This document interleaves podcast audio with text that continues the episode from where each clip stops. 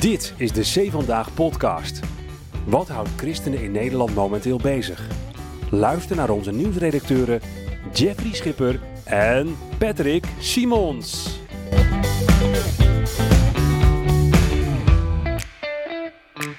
Het is weer zover. We zitten hier verenigd als mannenbroeders van de redactie, Patrick en ik. En we gaan jullie dit komende uur weer bijpraten over het laatste nieuws uit christelijk Nederland. En er is weer veel gebeurd. Het is vooral heel erg laat. Ja, het is, het is al vier uur geweest, Ja, Patrick. Wat is dit, joh? Dit zijn toch geen tijden voor, voor, voor, voor mij? Normaal had ik al lang, was ik al lang weer terug in Zeeland geweest. Op een belangrijke dag als vandaag. Ja, Want het is vandaag zeven, of 70 jaar geleden dat de ramp plaatsvond. hè? goed dat je er nog even bij stilstaat, ja. Ja, wordt uitgebreid herdacht in heel Zeeland en in Tolen. Mhm, ja, ja, je doet op de watersnoodramp. Ja, ja, de ramp. Ja, ja, wij noemen, ja de watersnoodramp inderdaad. Ja, de, de, dokter C.A. van der Sluis heeft er een heel mooi artikel over geschreven voor ons vandaag. Heel mooi artikel inderdaad. Ik heb daarvan genoten. Persoonlijk verhaal. Dat is een Ja. aanrader voor iedereen die luistert. Persoonlijke verhalen zijn altijd mooi, hè? Een verdrinkingsdood dreigt het dubbele punt. Mijn vader smeekte God hardop om hulp. Dat artikel moet je zeker even lezen. Prachtig. Ja, Ja, het artikel is prachtig, hè? Niet, zeker. Ja. We gaan nog een aantal eh, nieuwsberichten bespreken. Deze podcast, die actueel zijn. En eh, dat doen we niet voordat we hebben geluisterd naar Patrick in de ergernis van de week.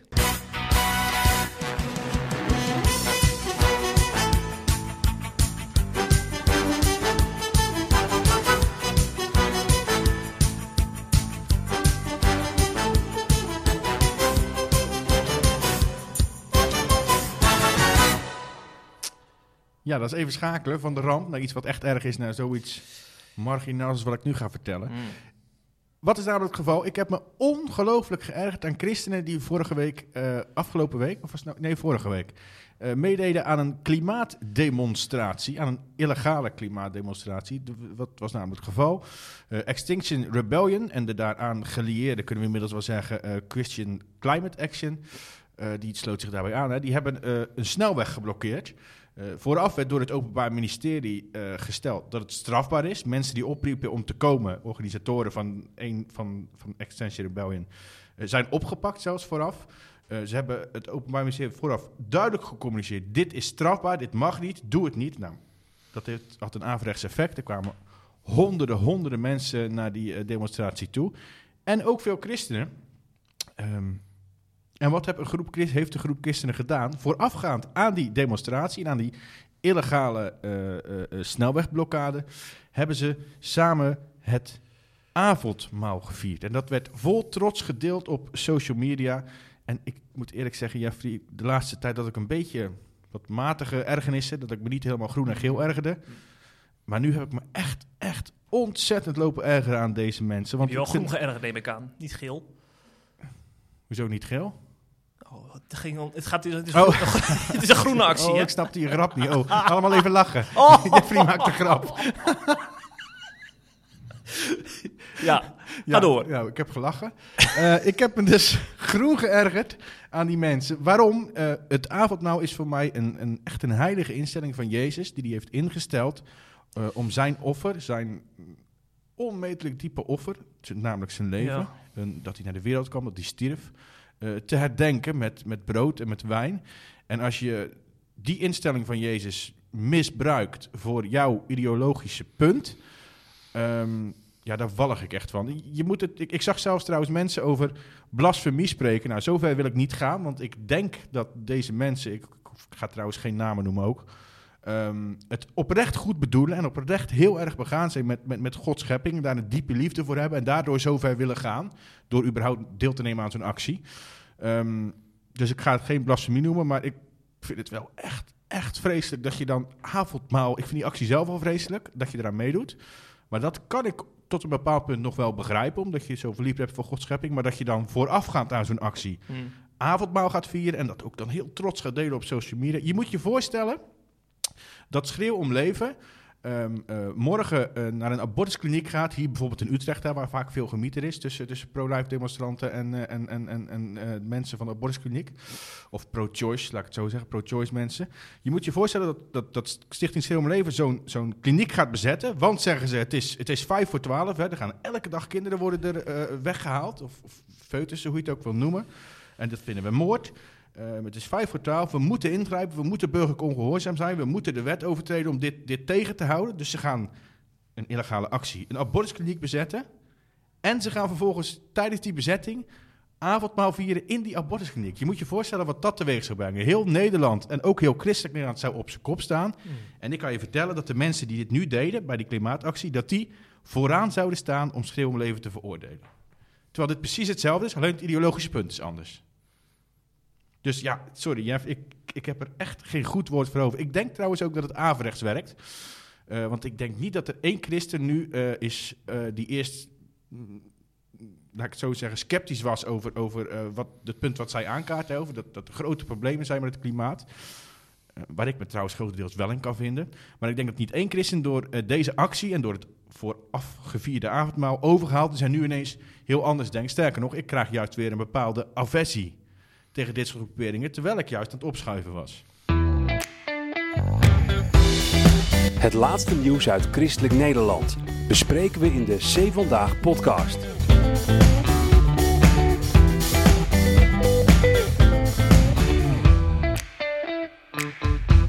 Wij blijven nog even bij de klimaatdemonstratie. Hiep hoi, hiep hoi. Ja, want Zin niet in. alleen eh, Christian Climate eh, Action was erbij. Ook Oh. Miga Nederland, een gematigde club. Nou, toch wel zeggen. nou, nu niet. Nou ja, daar kunnen we het toch over hebben. Maar die, dat waren, ga jij natuurlijk weer niet. Deugalarm. die eh, zijn dus ook naar Den Haag gegaan. Eh, de directeur, Harmen Niemeyer, was er ook bij. Die hebben we gesproken. En eh, ja, ik hoef natuurlijk niet meer alles te vertellen. Je hebt al wat over de demonstratie gezegd. Maar misschien nog wel goed om te zeggen dat Miga Nederland werd overgehaald omdat die leden van Extinction Rebellion van hun bed werden gelicht. Hè? Ja. Voordat de demonstratie begon. Ja, wat ik net ook al zei, dat een soort averechts effect. Daar Ja. kwamen juist veel meer mensen en ook veel meer stichtingen en organisaties gingen zich ermee eh, bemoeien. En dat was Ja. onder andere zij. Hè? Ja, ja, ja. En dat, ja, dat schoot dus ook hen in het verkeerde keel gehad. Ja. Want zij vinden dat zij het recht hebben om, eh, om daar te demonstreren. Ik zie hier trouwens een sleutelhanger liggen met het logo van Extinction Rebellion of wat. Wel, dat is gewoon het logo van onze locatieman. Dat lijkt er toch wel een beetje op, ja, een zie je dat? misschien een beetje. Maar Het is, nog, het is nog groen ook. Ja. Weg ermee. Huppakee, liggen in de sloot. Oh nee, we hebben hier geen sloot. In de goot. Naast jou. Sorry. maar even, even waarom ik het nou een gematigde Ja. club noem. Eh, zij hebben er dus voor gekozen om niet, zich niet vast te plakken op de A12, maar eh, op een eh, legale plek Ja. bij de A12 een solidariteitsactie te houden. Ja. Gewoon om daar aanwezig te zijn. Dus ze doen zeg maar Mhm. zelf geen illegale actie, maar ze doen een legale actie waarmee ze laten zien dat ze de illegale actie steunen. Zo kun je Snap het ook uitleggen. Of zeg ik het nou niet goed? Nou, Nee, even voor de is het goed. duidelijkheid. Ik heb, ik heb nog wel ge- gevraagd aan die Harmonie Meijer, die di- directeur. We hebben natuurlijk Ja. geïnterviewd. Ja. Van, waarom heb je daar niet voor gekozen om, eh, om dat illegale gebeuren te veroordelen? Want dat had je nog kunnen zeggen eh, in je statement. Maar dan, heeft dan, dan zegt hij dus... ehm, even kijken. We hebben als MIGA Nederland niet de oproep gedaan om de snelweg te blokkeren. We namen op afstand deel aan die solidariteitsactie. Deze vraag zou je aan de mensen moeten stellen die de snelweg hebben Ja, geblokkeerd. ja. Een beetje, beetje veilig, hè? Beetje veilig. Laf. Laf. Eh, dus geen stelling nemen daarin. Eh, maar toch interessant dat zo Miga Nederland, we hebben het over een netwerk Ja. van, van eh, best wel ja, gemeleerde kerkelijke organisaties en NGO's. ik was best wel verbaasd, moet ik Die, zeggen. dat ze zich daarbij aansloten. Ja. En ze hebben ook maandagmiddag nog een statement op de eigen site geplaatst. om nog even een toelichting te geven waarom ze daar bewust voor gekozen hebben. Ze hebben ook nog gezegd eh, in een statement eh, dat, dat ze niet over één nacht ijs zijn gegaan.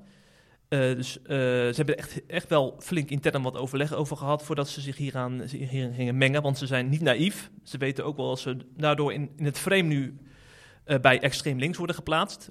Maar ze zijn het er zelf niet mee eens Nee. natuurlijk, want ze hebben dit statement willen maken om op te, rechten- om op te komen voor het recht van deze mensen dat ze mogen demonstreren, zonder Ja. dat ze ideologisch daar in hetzelfde eh, schuitje willen plaatsnemen. Waar was Micha Nederland dan toen de coronademonstrant het Malihof werd afgeslagen?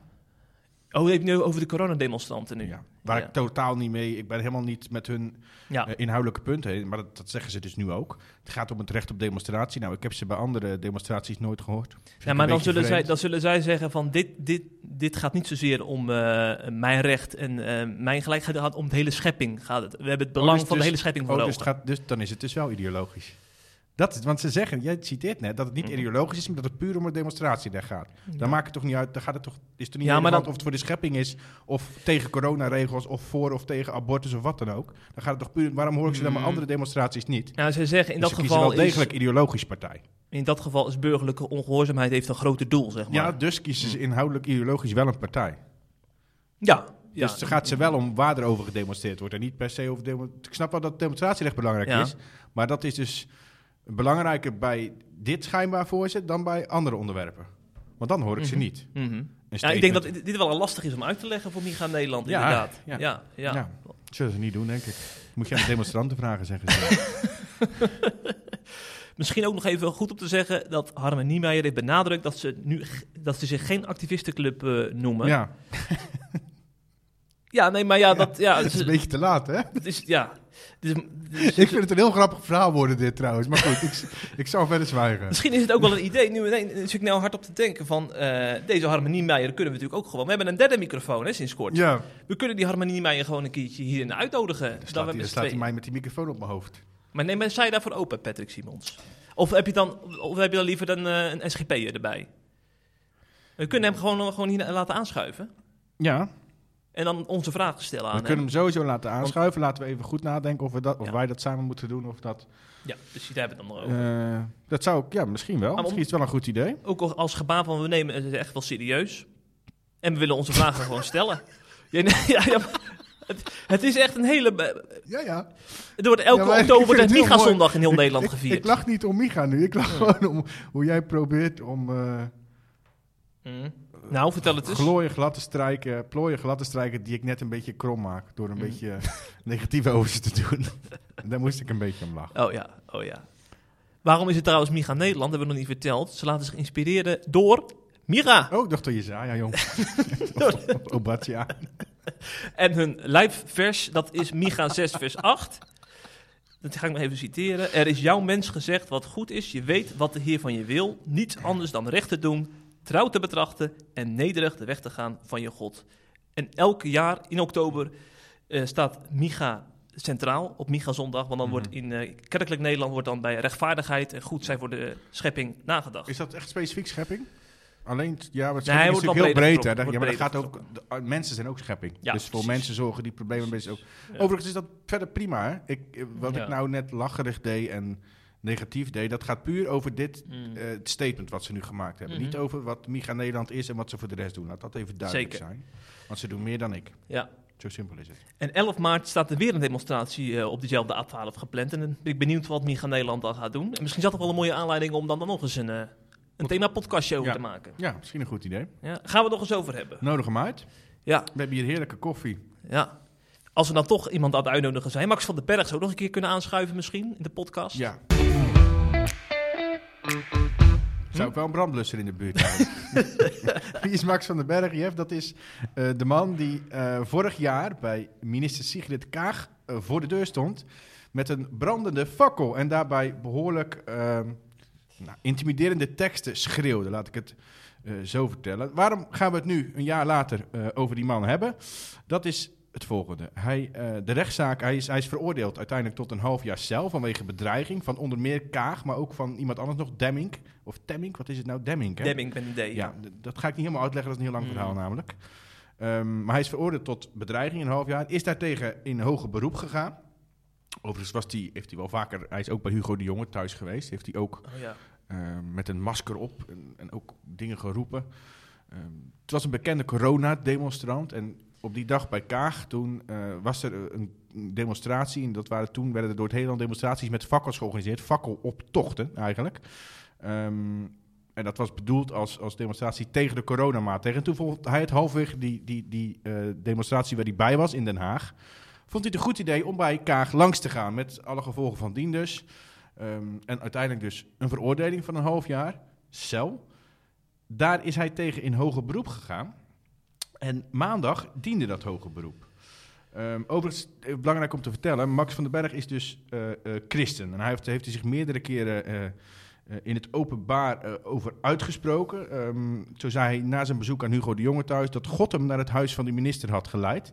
Ehm, En als hij bij die demonstraties was tegen de coronamaatregelen, dan zag, zagen we hem ook vaak met een, een rood petje van Jezus leeft, de Ja. politieke partij. Nou, wat wil nu het geval? Dat hoge beroep diende afgelopen maandag. En toen vertelde hij dat hij vooruit wil met zijn leven, dat hij plannen aan het maken is, dat hij eh, eh, eh, aan de toekomst wil denken. En een van de dingen waarmee hij aan de toekomst dacht- denkt, is dat hij komende statenverkiezingen fractievoorzitter is van Jezus leeft in Noord-Holland. Nou, dat is natuurlijk best wel een hele eh, ehm, nou, opvallende move. Wat was namelijk het geval destijds toen hij dat deed bij Kaag. ehm, toen zagen wij natuurlijk al dat hij dat petje van Jezus leeft eh, droeg continu. Dus wat heb ik toen gedaan? Ik heb toen eh, Jezus leeft opgebeld. Ik heb toen gesproken met Florence van der Spek en eh, Joop van Ooyen. Joop van Ooyen is de oprichter. Florence van der Spek is een van de partijleiders, hè, landelijk. Ehm, nou, Joop van Ooyen die bleef pal achter Max van den Berg staan. Die zei, die doet niks verkeerd en die mag best, die wil gewoon een paar vragen stellen. Het wordt allemaal overdreven door de media, bla bla bla bla bla. Florence van der Spek die was iets, iets, iets ehm, kritischer, laat ik het zo zeggen. Ehm, hij vertelde me destijds, en dat vond ik best wel leuk, dat eh, Floris van der Spek eigenlijk... Of, eh, dus niet, nou zeg ik het niet goed. Mm. Hij vertelde me destijds dat Max van den Berg, die, die, die fakkelzwaaier dus, hè, dat die ehm, eh, daarvoor al op de lijst voor Jezus Leeft had willen staan bij de gemeenteraadsverkiezingen en dan voor Amsterdam. En toen vertelde Floris van der Spek dus dat het daar niet van is gekomen. En ik quote, wij zijn namelijk niet zo activistisch als Max. Dus eigenlijk zei hij, nou hij wilde heel graag bij ons op de lijst, maar ja, we zijn er niet uitgekomen. Hij, was, hij is te activistisch, daar staan we dan toch niet helemaal achter. Maar nu zie je hem dus ineens op de kieslijst en ik vraag dan af wat er veranderd is. Want ik zie hem nog steeds regelmatig bij demonstraties. Ik zie hem nog steeds af en toe hele rare dingen doen. Dat is mijn mening, hè, mijn interpretatie. Dus schijnbaar is er toch iets veranderd voor eh, Jezus leeft. Van Spek gaf destijds ook aan dat hij ehm, eh, Van den Berg niet steunde in zijn actie. Eh, hij zei, ja, ik snap zijn frustraties, frustraties wel goed, maar ehm, ik denk dat dit niet de juiste manier en de goede weg is om dit te doen. Nu, want nadat Max van den Berg dit tijdens zijn recht tijdens het hoge beroep zei, hè, dat, hij op die, dat hij fractievoorzitter is, toen werd er natuurlijk door verschillende media naar Floris van der Spek gebeld. En hij heeft- praat nu toch een beetje anders over eh, eh, Max van den Berg. Dat kan natuurlijk ook, hè, want je kan, je kan hem inmiddels... Toen was het echt net gebeurd, dat hij nog niet gesproken. Oh, ja. Maar inmiddels zegt hij, ja, hij heeft niks strafbaars gedaan. ehm, in onze ogen, hij heeft niets fout gedaan. Dus daarom mag hij gewoon op onze lijst. Nou ja, dat is een heel eh, bizarre ontwikkeling, lijkt me. Ehm, en ik vraag me ook af, wat, ik, wat eigenlijk mijn belangrijkste vraag is. Want mij boeit het verder niet zo... ja, dat mogen ze namelijk zelf weten. Hè? En wat ik ervan vind is niet zo relevant. Wat ik wel relevant vind, is dat ik de afgelopen jaren... Als het over Jezus leeft ging, ik heb ze overal gezien. Ze kwamen langs bij Paunet, bij, bij, bij, bij andere omroepen. Ze zij waren heel goed in de publiciteit vinden. En dan hadden ze eigenlijk voor mij, dat was in ieder geval mijn interpretatie, altijd maar één boodschap. Wij doen eigenlijk niet mee met de verkiezingen, eh, omdat we per se willen in, in, in een gemeenteraad of in, in de Staten of in de Tweede Kamer of zo willen. Nee, wij gebruiken het eigenlijk als podium om het evangelie van Jezus te verkondigen. Eh, wat ik heel mooi vind, vind ik fantastisch. Zelfs, daar gingen ze bijvoorbeeld bij Poont, die maakte eigenlijk een spottend filmpje, maar ehm, ze vertellen wel over Jezus. Ja. Hoe je het ook bent of verkeerd. Nou vraag ik me af, ehm, en dat zou ik eigenlijk aan jou willen vragen. Als dat het doel zou zijn van Jezus leeft, hè, dus het verspreiden van het evangelie van Jezus Christus. Eh, in hoeverre bereik je dat doel door met Max van den Berg als fractievoorzitter mee te doen aan de statenverkiezingen? Ja, dan, dan gaat het natuurlijk helemaal mis. Want dan word je, dat gaat ten koste van je geloofwaardigheid. Dus als jij eh, als je dat ziet, dan denk je, hé, hey, er, er is een fakkelzwaaier bij elkaar geweest. Die mag nou bij een politieke partij wordt die serieus genomen. Dus zal die boodschap ook wel eh, niks van kloppen. Ja. Dus dat is mijn eerste indruk. Dat is precies ja, zo denk ik, dat is precies hoe ik erover denk. Ja. Nog los, nou hoef ik het nog niet eens inhoudelijk over of, of ehm, die Max van den Berg nou zoveel kwaad in de zin had. Ik denk het echt niet hoor. Ik denk niet dat hij echt politici wil eh, vermoorden of zo. Eh, hoewel, ik, hij is wel heel instabiel heb ik het idee. ja, en dat is linkersoep, hè? En dat is linkersoep. Dus, eh, maar nog los van dat hele inhoudelijke verhaal wat hij heeft gedaan. Het, het doet heel veel met het imago en de geloofwaardigheid van Jezus leeft, denk ik. En volgens mij was dat ook wat, hoe Jezus leeft vroeger zelf dacht. Hè, wat ik net Hmm. citeer. Dat ze zeiden van nou, we zijn er niet uitgekomen, want wij zijn niet zo activistisch. Ehm, dat kan twee dingen betekenen eigenlijk. Of Max is minder activistisch geworden. Mhm. Dat idee heb ik niet, eerlijk gezegd. Of Jezus leeft is zelf activistischer geworden. En ik kan dus niet anders concluderen dan dat dat laatste het geval is. Ja, ja, ja. Dan moet ik wel zeggen, ik denk dat bij een hele grote groep überhaupt deze club niet zo serieus genomen wordt. Dus dan denk ik ook van dat ze zelfs nu al hun schouders ophalen van, nou, dat, dit, dit past wel bij ze. Bij, een hele grote groep, bij een hele grote groep christenen bedoel je? Ja, ja. Nou, ik denk, ja, ik neem ze niet serieus als politieke beweging, maar ik neem Nee. ze wel heel serieus als evangeliserende beweging. ja, want wat even impact zie jij in ja, Nederland. ja, ja, maar nu heeft dat dus geen, nu, ja. Ja. nu is dat helemaal weg. ja, ja. Jammer eigenlijk. Ja, daarom, dat, dat, precies, dat is precies het goede Mm. woord. Het is heel, heel jammer. Over jammer gesproken, Jeffrey. Wat hebben we heerlijke, heerlijke bruggetjes vandaag. Ja, wel heel goede bruggetjes, ja. Ja. Want het is heel jammer wat er allemaal in de CGK gebeurt, bedoel jij. Ja, nou ja, wat er in Urk... Nou, ik, nou ga ik mijn eigen mening al geven. Vertel.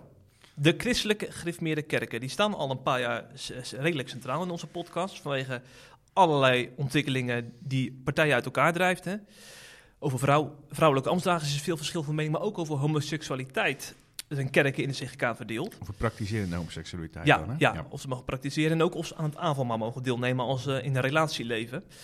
Eh, ja, en daar is wel gedoe over in de regio Zwolle. Want ja, CGK is natuurlijk een landelijk kerkverband en die zijn in regio's verdeeld. En in een klassenvergadering, zo'n regiovergadering, eh, is dat onlangs besproken in Zwolle. En daar is de kerk in Zwolle, CGK in Zwolle, is vermaand door de klasses, dus door de, door de andere kerken die tot die regio behoren.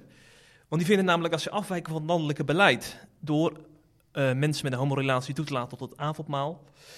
Eh, en daarom is men onlangs vermaand. Eh, dat is dus een paar weken geleden in het nieuws gekomen. Er is met de vuist op de tafel geslagen. ja, ze kunnen. En ja, wie staat daar dan voorop? Dominee Uitslag Ja. uit Urk, hè? Ja. Die staat met die vuist voorop. Ja, met twee vuisten. Hoor. Als je die foto ook bij, bij ons bericht ziet, dan zie je ook echt... eh dan kijk je natuurlijk een beetje bozig, hè? Ja. Misschien was hij er net uit die vergadering gekomen. ja, of hij had het net gehoord. Ja.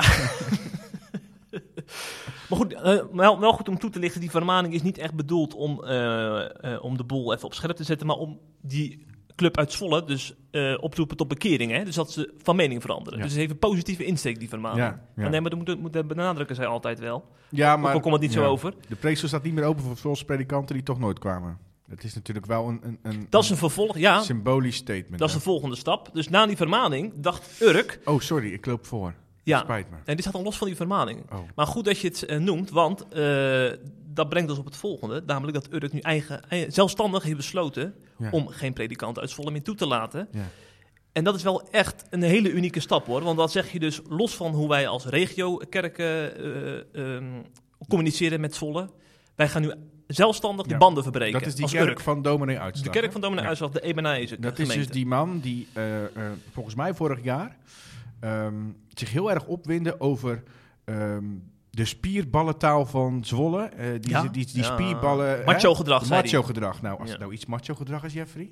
Ja, Jij gaat het natuurlijk nu niet zeggen, want het is een eh, goed contact van je. Maar ik wil dat wel zeggen. dit is, Nou, het dit wordt is zo ook wel dit is opgevat. macho gedrag. Dit wordt ook zo opgevat, want als zelfs eh, professor Dr. Herman Zelderhuis, een instituut in de CGK, een hoogleraar. Nou, nou, nou, nou, een instituut. Ja, die man- die man- die man wordt breed man. gewaardeerd. Ja, maar het is geen instituut.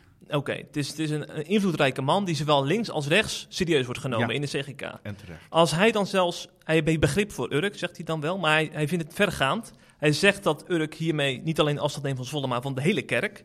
Als hij dat al zegt, dan is het echt wel een Ja. hele bijzondere stap wat Urk heeft genomen. Eh, en eh, eh, ja, als hij dat al zegt, dan is natuurlijk een dominee als Bram Hofland het daar natuurlijk ook mee eens. Want die is dominee in Emmeloord. En dat is een gemeente die totaal anders denkt dan Urk. Progressiever denkt. Vlakbij wel.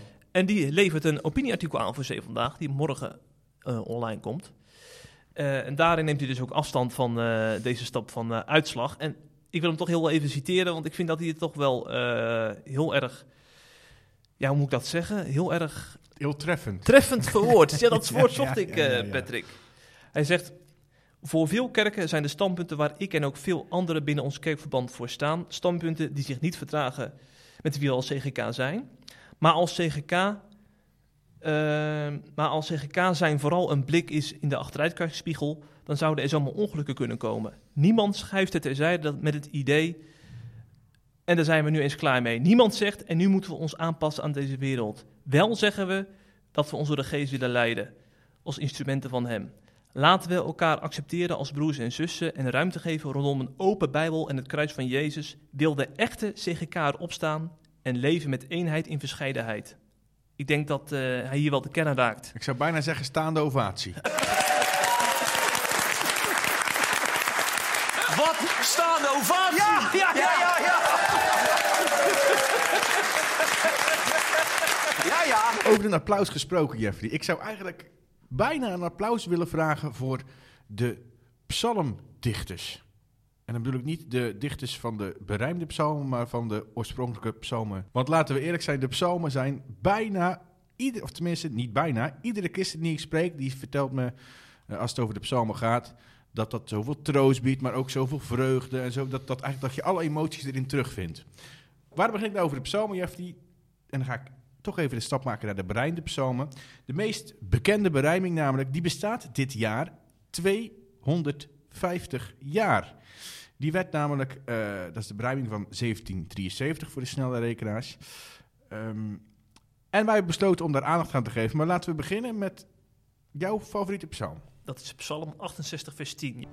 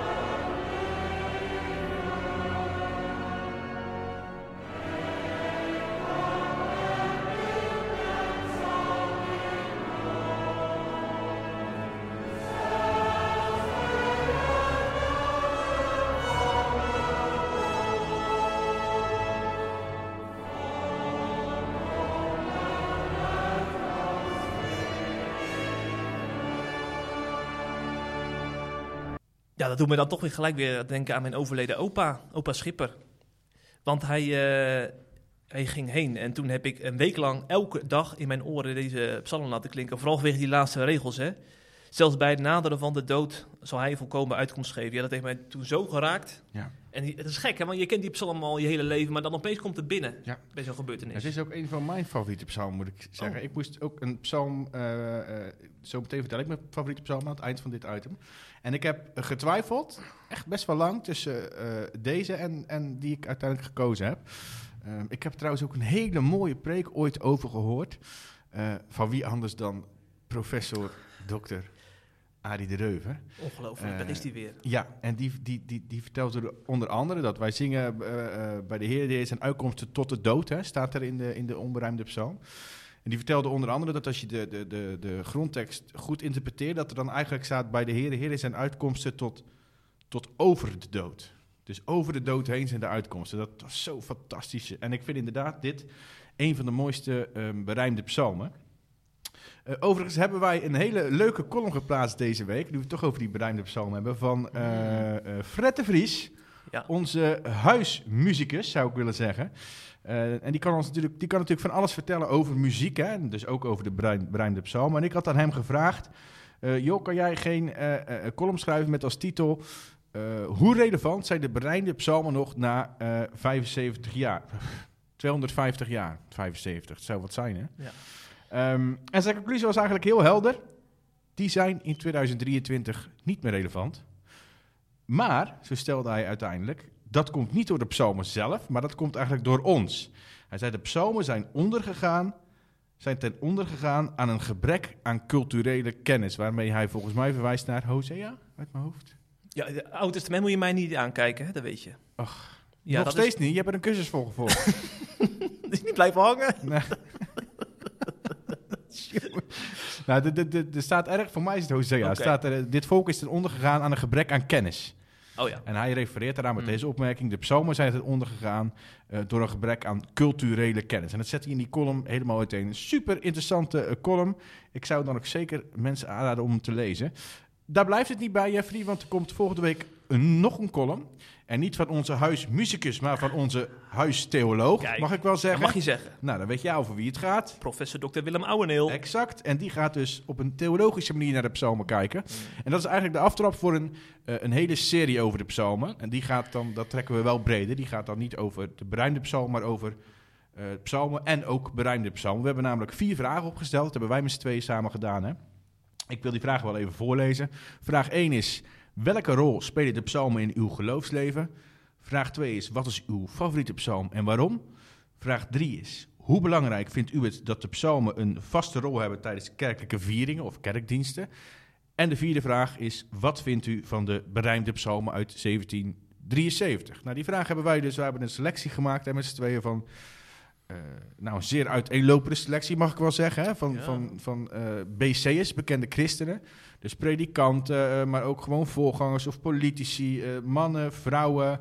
Ehm, we zijn heel goed in diversiteit namelijk. Wel, jawel. Eh, en de serie wordt afgetrapt door niemand minder dan dominee van Kampen. Die heb ik afgelopen week gesproken daarover. Mm.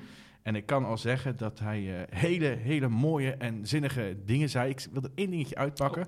Hij vertelde dat, als, dat, dat in zijn gemeente, hij zit in een, in een redelijk, nog een redelijk conservatieve hervormde kerk. Eh, binnen de PKN dus. En eh, dat in zijn gemeente twee keer per jaar wordt er een dienst voor de jeugd gehouden.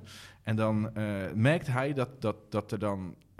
de jeugd mag dan alles regelen. Hij doet een bijdrage, maar de jeugd organiseert alles. Dus die kiest ook de liederen enzovoort uit. En dan vertelde hij dat dan...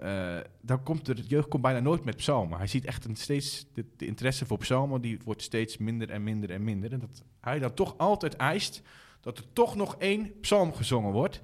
En hij zei, wat we ook vaak doen, en dat vond ik wel heel mooi... dan kiezen ze een lied en een psalm wat over hetzelfde gaat. Dus hij zegt, dan laten we bijvoorbeeld eerst psalm 42 zingen... en dan daarna eh, het lied als hert dat verlangt naar water. Of eh, we, laten eerst, eh, psalm, we zingen eerst psalm 1... en daarna zingen we welzalig de man die niet wandelt. Dat gewoon liederen zijn die één op één over dezelfde psalm gaan. En waar je toch allebei doet, maar toch die psalmen levend houdt. Vond ik ontzettend mooi. Dus ik zou zeggen, hou C vandaag in de gaten.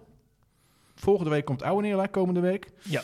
Ik denk een paar weken daarna komt Van Kamp. En vanaf dan, eigenlijk het hele jaar door, gaan we artikelen publiceren... waarin we allemaal bekende christenen deze vragen voorleggen. Komen we uit bij het einde van dit item. En dat gaat over eh, mijn favoriete psalm, Jeff. Ik zei Ah, net al dat ja. ik een beetje twijfelde tussen eh, eh, psalm 68 vers 10 en deze. En dat is psalm 40 vers 8. En waarom vind ik dat nou zo'n mooie psalm, Jeffrey? Dat is omdat in deze psalm eigenlijk het hele geloofsleven, zoals ik het zie, wordt beschreven. Namelijk dat ik, of dat wij als mens, tot niets in staat zijn. Dat we arm zijn, dat we ellendig zijn. Maar dat God toch aan ons denkt en dat God onze hulp is, onze kracht en onze redder.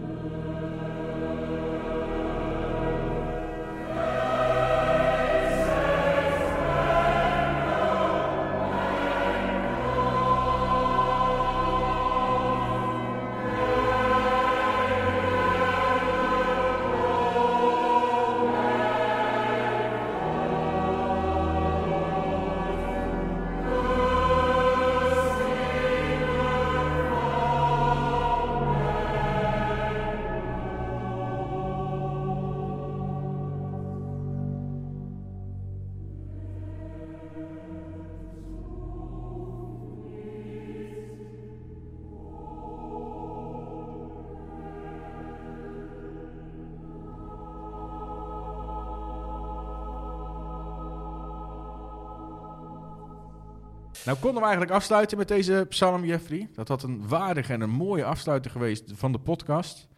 Maar ik denk, we hebben namelijk sinds kort een nieuwe rubriek. De uitsmijter van de week. Dat jij hem misschien nog wel nog mooier kan afsluiten.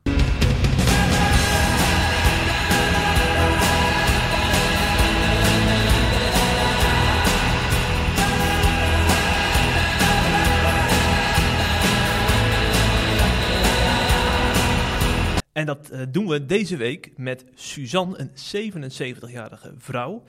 Die lijdt aan de ziekte van Parkinson. Eh, en desondanks heeft ze de kracht gekregen om zich onlangs te laten dopen. En dat werd gedaan door Regan King. Dus het, eh, dat werd niet in Nederland gedaan. Maar dat filmpje op Twitter, dat bereikte ook ons land. Het heeft tienduizenden mensen bereikt. En ja, ik ga, ik ga er niet heel veel over zeggen. Want maar het, ik, het- ik vind, weet je wat ik gewoon zo mooi vind? Dat je op die leeftijd... eh, je kunt allerlei redenen bedenken om het niet te doen. Van, eh, eh, ik heb er geen kracht meer voor, letterlijk. ik vind het allemaal gedoe, zo'n doopbad. Maar dat ze dat toch doet, Ik hoor allemaal argumenten die jij zou hebben. ja, op die leeftijd vooral, ja. ja, ja, nu al hoor. Oh. Ik heb er geen kracht meer voor. Het scheelt veel gedoe. Maar ik geloof echt dat, eh, dat er heel veel getuigenis uitgaat van zo'n gebeurtenis Ja. in een doopbad. En eh, waarschijnlijk heeft ze ook een mooie getuigenis verteld. eh, dat ze nu vertrouwt op Jezus haar Heer. Want ze is agnost geweest. Ze, heeft, ze is ook een Joods. Ze heeft een Joodse achtergrond. Dat is ook wel uniek hè. Dat je dan op deze manier uiting geeft aan het geloof in de Zeker. ware Messias. En CBN Nieuws had het ook heel mooi verwoord. Het is werkelijk nooit te laat. En dat laat zij zien met haar doop. Laten we daar een voorbeeld aan nemen. Prachtig. Hè? Wat zit je nou te beleren te doen? Je zegt, nou zeg je tegen mij, laat, hè? Met, andere woorden, het is voor jou ook nooit te laat. Ja, maar jij, jij, Waarvoor? ik, ik zie jou als eh, zeg maar de camera, dus ik, via jouw ogen spreek ik de rest van Christelijk Nederland aan. Ah, het is ja. niet persoonlijk hoor. Want ik ben al gedoopt, hè? Ja, hou er zo. Ja. Ja, je mag altijd pleiten op je doop, toch? Ja, je hoeft niet opnieuw. Nee, nee Ongeacht, ongeacht de leeftijd waarop je gedoopt bent. Heel mooi, heel mooi. Laten we het daarop houden. Als iedereen dat nou is die, die dat vasthoudt in de doopdiscussie, dan zijn we, hebben we die ook opgelost hier. Ja, bij Wij deze, hebben, al wat, wij hebben al wat moeilijke discussies opgelost. ja, aan deze tafel. Nou, Ja, eigenlijk zou... eh, deze tafel zou in een museum moeten komen. met, met standbeelden van ons ernaast, borstbeelden. ja, ja, ja. Naast die van Selderhuis ook. Herman Selderhuis. Ja, ja, ervoor. Oh. Misschien kan het directeurtje het financieren. oh ja hoor, dat moet denk ik wel lukken. Ja. Ja, ja, ja. Hé, maar eh, Pet, over een... eh, nee, over twee weken hebben we geen podcast. Dan zit je, dan waar ben jij over twee weken? Over twee weken dan sta ik bovenop de piste in Oostenrijk. Ja. Oh. Ik ga acht dagen lang eh, genieten van uitzichten. eh, meters, meters, meters skiën. Of kilometers kan ik wel zeggen. Tussendoor lekker eten, lekkere drankjes doen. Misschien nog een klein beetje après-skiën. Dus ik ga een week lang genieten. En vooral niet, nee, ja, niet aan nieuws en aan christelijk nieuws denken. En ook niet aan jou als je het niet erg vindt. Zo, een dag dat je niet aan mij denkt, dat is, gebeurt niet Ik vaak. ga acht dagen lang niet aan je proberen te denken. Goeie het gaat niet lukken, denk ik. Maar ik ga het wel proberen. Dus waarschijnlijk stuur ik na één dag al een tip door. Hier moet je een artikel over tikken. Ja, ja. Maar ik ga proberen om, eh, ja, om even te ontspannen en mijn hoofd helemaal leeg te maken. Mhm. Heb jij verdiend, Patrick. Dank je. Ja, en ik zal het ondertussen wel hier eh, draaiende houden als jij er niet bent. Ja, dat is jouw... eh, dat, je hebt mij daar niet voor nodig. Mm, precies. Goh, wat zijn we complimenteus naar elkaar. Ja, dat is ook wel even wennen. Ja. Normaal nou, deel je van die steekjes uit. Ja. En dan lig ik eh, hier op de grond te creperen Ah, daarvan. Ja, ik, ik krijg het. Ik krijg herstelbetalingen. Maar eh, eh, nou, over een maandje of zo zien we die al. Ja. Of dan horen je weer terug. Misschien kom ik wel helemaal niet meer terug, Jeff. Ja, dat kan ook nog. Dan blijf ik daar lekker hangen op zo de goed bevalt daar. Ja hoor. Ja. Dan blijf ik, zit, blijf ik daar zitten tot de sneeuw weg is. Hm. Hm. Moet ik weer een opvolger gaan En zoeken voor je, je. je zie je me ergens. Ja, dat wordt moeilijk. Laten we ophouden, want het wordt nu wel heel erg. Ja, ja, ja. Eh, We zien wel wanneer, je me, wanneer ik weer te gast ben. Helemaal goed. Yes. En eh, luisteraars, tot de volgende podcast. De groetjes. Hopelijk heb je genoten van deze C Vandaag podcast. Volgende week is er weer een nieuwe aflevering. En blijf via cvandaag.nl op de hoogte van het laatste nieuws uit Christelijk Nederland.